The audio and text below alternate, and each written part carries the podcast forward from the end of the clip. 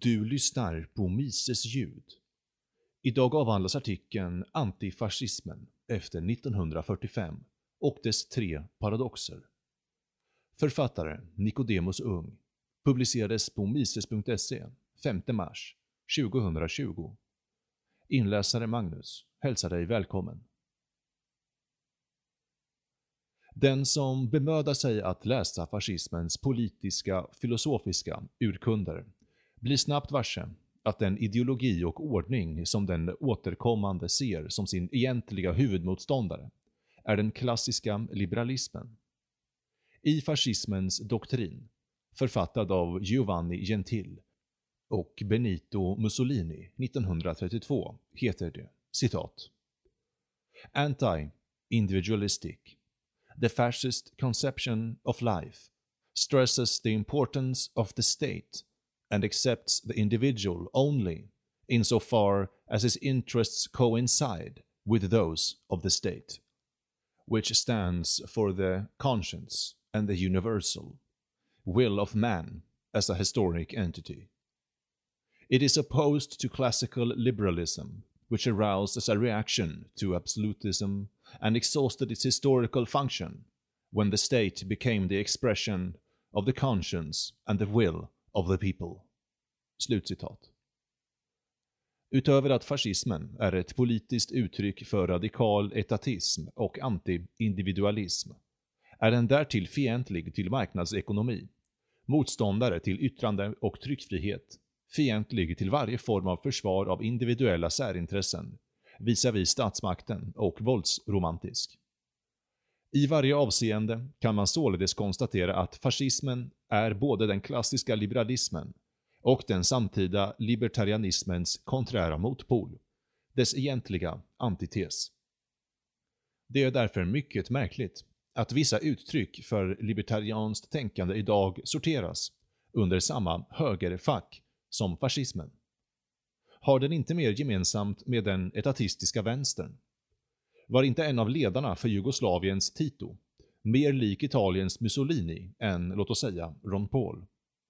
Vad har Ludwig von Mises gemensamt med Adolf Hitler, bortsett från att den senare skapade en massrörelse som eldade upp den förras skrivna alster? Är fascismen överhuvudtaget höger? Enligt Mussolini själv var den just inte en högerideologi. Han placerade den faktiskt i mitten av det politiska spektrat. Ungefär där Centerpartiet skulle placera sig idag. Rent ideologiskt är den emellertid bara någon grad från det kommunistiska Östtyskland, medan den klassiska liberalismen mer påminner om Förenta Staterna i landets begynnelse, eller dagens Schweiz. Som säkert många känner till kom dessutom Mussolini själv från en syndikalistisk bakgrund. Hans ekonomiska modell är de facto inspirerat av syndikalismen. Så vad är det som har hänt? Varför är både libertarianismen och fascismen höger? En bra förklaring kom för några år sedan i en doktorsavhandling från Lund författad av Johan Östling och utgiven som en bok med titeln “Nazismens sensmoral. Svenska erfarenheter i andra världskrigets efterdyning”. I boken menar Östling att antifascismen efter 1945 huvudsakligen kom att definieras av kulturradikalismen. Vad som var fascism definierades av vänstern och vad som definierades som antifascism blev således också en vänsteråskådning.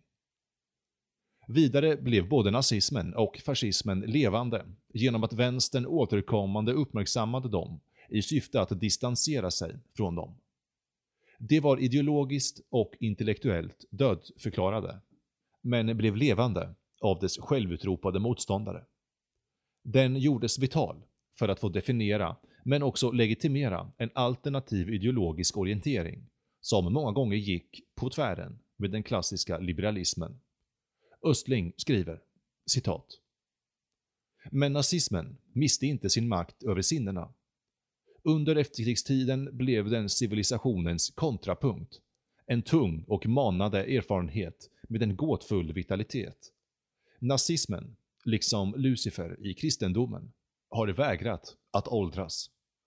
Den hänger som ett Damoklessvärd över samtiden. Nazismens mörka, mytiska nimbus inbjuder till kvasireligiösa betraktelsesätt. Den bedöms alltid efter absoluta kriterier. Nazism är katastrofal, redan som tankeform, och den enda ideologi som inte kan diskuteras i nyanser. Dess vuxna anhängare måste räknas som delar av katastrofen. Det reservationslösa i domen har på samma gång skapat en egendomligt levande relation till nationalsocialismen. Denna, den mest döda av ideologier. Istället för att förpassas till historiens avskrädeshög har nazismen blivit efterkrigstidens antites. Den var det som vi inte är. Man kan tala om ett kontrafobiskt reaktionsmönster. En intensiv upptagenhet vid det vi vill fördöma. En repulsion som föder en närhet. Nazismen har blivit en negativ orienteringspunkt. Slutcitat. Om nazismen och fascismen således blev en negativ orienteringspunkt efter 1945 är det ytterst intressant vad man egentligen menade att fascismen var för något och vad den påstods att representera. Om vi utgår från fascismens egna urkunder ser vi nämligen att fascistiska tänkare har etatismen, nationalismen, våldsromantiken, anti-individualismen och antiliberalismen som gemensam bas, medan de tycks öppna för andra idéer som syndikalism, korporatism, folkhemsideologin, blandekonomi och regleringar av både företagande och handel mellan länder. Den kan därutöver förenas med rasism, biologism, social darwinism och antisemitism, vilket snarare stärker dess antiliberala väsen. Problemet blev bara att det inte räckte att definiera fascismen och nazismen utifrån vad de var och vad de ville. Det kom dessutom att representera andra idéer och ideal. Historikern Alf V Johansson skrev härom, citat. Eftersom fascismen som maktpolitiskt hot var eliminerad blev antifascismens funktion i första hand att upprätthålla en tankemässigt konsensus som förhindrade uppkomsten av fascistiska strömningar. Alla tankeformer eller ideologiska element som kunde tänkas utgöra grund för fascism måste bekämpas och tabuiseras. Detta gällde givetvis alla former av rasistiskt tänkande, men antifascismen var något betydligt mer än antirasism. Den stod också för antidiktatur, antinationalism, antihierarki, antisymbolism, antiritualism, pro-modernism.” Slutcitat. Vi finner således att fascismen och nazismen inte bara är döda. Det är också det som alla levande ideologiska och politisk-filosofiska sammanhang måste förhålla sig till. Det har inte bara blivit motsatsen till den liberalism den ville bekämpa, utan motsatsen till vad kulturradikalismen efter 1945 ville bekämpa. Den har gjorts till det bristen på demokrati leder till. Det som kritik av öppna gränser skulle leda till. Det som invandringskritik skulle kunna vara och förmodligen är. Det som förmodas kunna hända igen om man slutar tala om den. Det som det är viktigt att ungdomen inte blir. Det som inte är egalitärt. Det som inte bara är modernt eller postmodernt. Det som kapitalismen och den klassiska liberalismen förmodas leda till. Det som kristendomen ledde till. Det som, kort sagt, vänstern och den borgerlighet som inte tänker själva, inte tycker om eller bemödat sig om att förstå. Således har inte bara fascister och nazister kallats för just fascister av en moraliskt enad vänster, utan även personer och organisationer som försvarat fri marknadsekonomi, individuell valfrihet och yttrandefrihet, traditionell familjebildning, kritiserat statligt påbjuden mångkulturalism, kritiserat radikal islamism och IS, kritiserat statligt påbjuden normkritik och identitetspolitik. Kort sagt, det som kom att bli antifascismen var en kulturradikal och ibland postmodern åsikt som konkret stod och står mycket nära fascismens antiliberalism. Antifascismen kom till slut att bli lika fascistisk som fascismen i sin bristande respekt för individualism och frihet. Östling skriver, citat. De svenska tolkningarna av nazismen tog form i detta kulturradikala rum, där idealistiska, metafysiska och nationalistiska ansatser var bannlysta. Upplysningsrationalismen, så dominant i Sverige under efterkrigstidens första kvartssekel, formade därmed förståelsen av den nazistiska erfarenheten.” Slutcitat. Det vi emellertid kan se är tre paradoxer inom antifascismen efter 1945. Paradoxer där en redan har berörts. 1. Antifascismens fascism kom att bli något annat än den historiska fascismen och den kom att föra vidare något av den klassiska fascismen i sina strävanden att bekämpa vad den såg som fascistiska idéer. 2. Antifascismen har ofta haft antiliberalismen som gemensam nämnare med fascismen och kan således sägas vara delaktig i den slags rörelse som främjar fascistiskt tänkande från början. Detta syns inte minst i dess bristande respekt för intellektualism och rättfärdigande av våld som politisk metod. Något den alltså delar med fascismen. 3. Antifascismens kritik av klassiska värderingar och traditionell europeisk kultur är i själva verket något den bitvis delar med fascismen och fascismens futuristiska drag att omintetgöra det gamla och förlegade för att skapa något radikalt nytt bortom liberalism, konservatism och individuell frihet. Vi finner även att antifascismen i en svensk kontext flera gånger skjutit över målet. Där Östling i den svenska erfarenheten vill se att filosofins övergång i Sverige från tysk idealism till anglosaxisk analytisk filosofi var påverkad och inspirerad av antifascismens generella avståndstagande från kontinenten och mer precis Tyskland, har den också brustit i att kunna formulera en alternativ metafysik eller moral till den egentliga fascismen.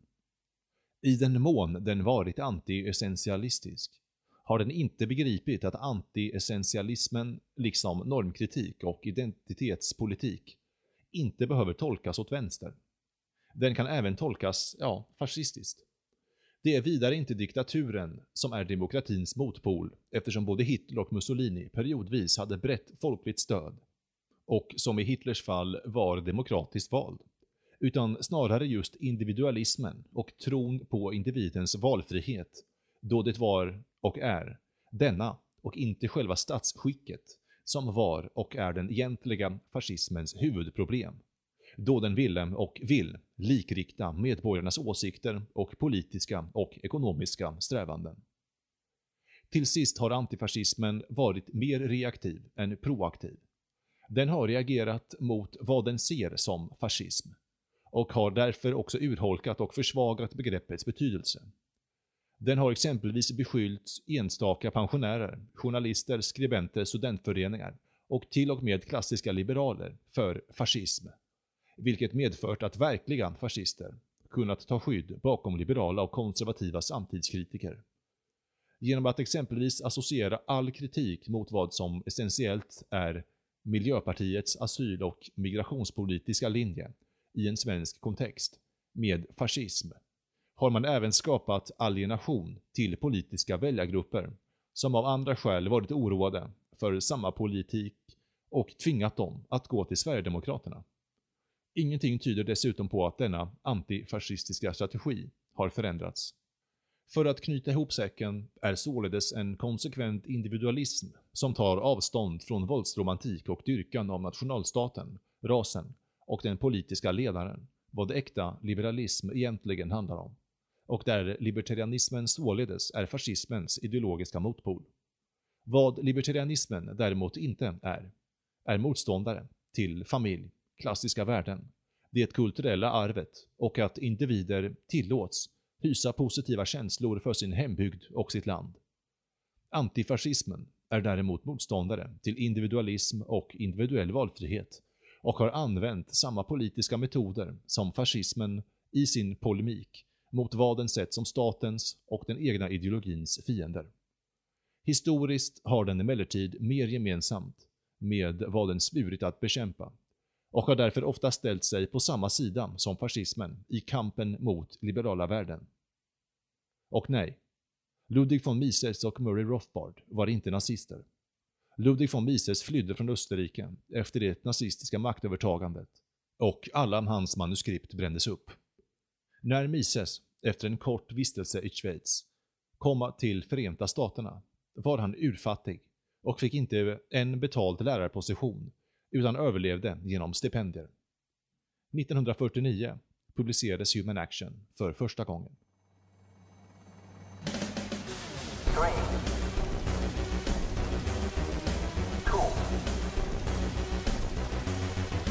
one. And last, don't put your trust in politics